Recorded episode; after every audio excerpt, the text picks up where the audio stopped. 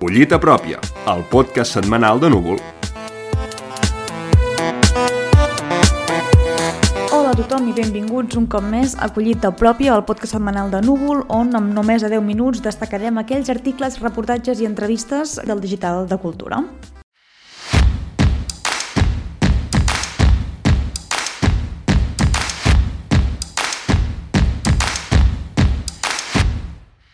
Una missió espacial és voluntat de poder i el teu primer satèl·lit no pots dir-li enxaneta. Després dels resultats de la revolució dels somriures i el tsunami democràtic, hem de veure que la derrota comença pel naming. Així, amb aquestes paraules, és com comença Joan Bordeus el seu article de la setmana que es diu Per què serveix una nau espacial catalana? Deixant de banda l'afirmació sobre la poca gràcia dels catalans per posar noms a les coses, Bordeus parla sobre la importància de poder tenir un satèl·lit propi, però també dels perills que suposa la conquesta d'un sostre que ja no és físic, sinó digital. Abans els imperis es construïen per terra, però ara hi ha un món espacial que és infinit i que queda tot per explorar. Aprofita també Bordeus per fer una forta crítica al govern català que el considera responsable, entre altres coses, del desprestigi de la digitalització a nivell nacional. Tot això i molt més continguts, molt més arguments els podreu trobar a Per què serveix una nau espacial catalana de Joan Bordeus.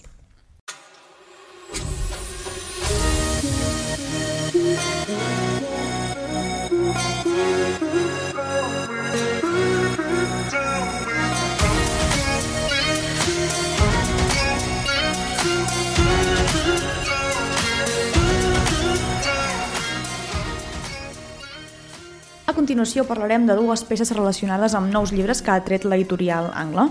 La primera és una entrevista que ha fet Bernat Puigtovella a Aina Vega, que acaba de treure el llibre Melodies de l'ànima, on ens parla de les emocions tot passant per les obres de grans compositors musicals i amb les quatre estacions de l'any com a fil conductor de tot plegat. Si la cultura té un avantatge és eh, que pot fer sinergies entre totes les seves múltiples disciplines. En aquest cas es barreja la literatura amb la música i el fil és aquestes emocions i els sentiments humans. L'entrevista, publicada a Núvol, va acompanyada d'un vídeo on es fa un bon resum de la conversa entre Vega i Puigtovella. I aquí us en deixo un petit fragment. El més estimulant de tot ha estat buscar les emocions que encaixessin, per mi, a cada època de l'any, no? I al final el recurs que he tingut és un recurs totalment prosaic, que és pensar en termes visuals i de quin és el paisatge que veiem en, aquell, en aquella estació i a partir d'aquí anar extraient no? doncs, eh, doncs, bueno, si, és, si parles de la, de, un, de la terra erma, doncs aleshores pots parlar del Tedi, no? Si parles de, Aleshores, ha sigut la construcció d'aquesta manera i sí que tenia molt clar que cada emoció eh, hi, volia, hi volia suggerir una peça musical. És una entrevista que parla tant de la vida de Vega com de la seva obra, on també destaca que ha volgut donar veu a les dones.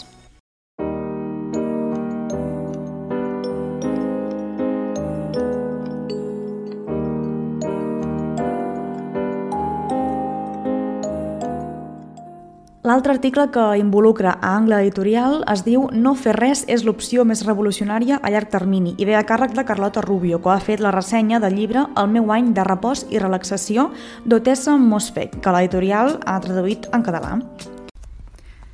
El meu any de repòs i relaxació és la història d'una noia d'uns vint i tants, rossa, acomodada, guapíssima i llicència en història de l'art que viu en l'èxtasi del Nova York pre-11S. És a dir, Té tot el que cal tenir per viure feliç en el món occidental d'un segle XXI acabat d'estrenar. La protagonista narra en primera persona l'any en què, sobrepassada per la realitat, decideix hivernar al seu apartament de l'Upper East Side mirant pel·lícules de la Whoopi Goldberg induint-se el son amb còctels de psicofàrmacs. Llibre que parla de la mandra, entre altres coses, en un any d'estar i sentir-se clausurat, sol. És un relat que pren més sentit que mai en un moment com el que estem vivint actualment. Tots podem empatitzar amb l'autora quan parla d'aïllament, de voler dormir, de passar l'estona tancats, i potser per aquest motiu llibres com el seu avui tenen molt més bona rebuda que abans. No fer res és l'opció més revolucionària a llarg termini. L'article de Carlota Rubio d'aquesta setmana. Correu a llegir-lo.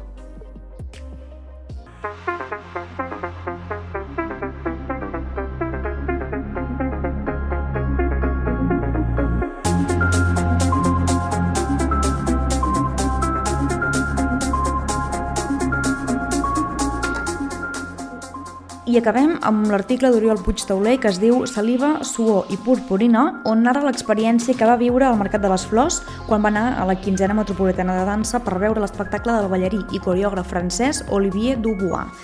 L'autor de l'article ens llegeix ell mateix un fragment on explica quines van ser les seves primeres impressions i com van anar evolucionant a mesura que descobria els secrets d'aquest espectacle. He de confessar que, en un bon principi, l'Olivier no em va caure massa bé.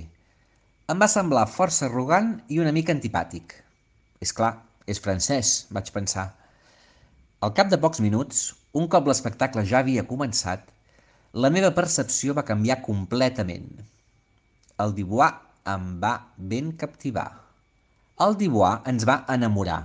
M'atreveria a dir que tots els que ens trobàvem en aquella sala, espectadors, intèrpret, acomodadors, cap de sala i tècnic, vam ser conscients que estàvem vivint una experiència única, única i irrepetible, perquè tot i que l'Olivier ha fet tres funcions a casa nostra, de ben segur que cadascuna ha sigut diferent, per la naturalesa pròpia de l'espectacle.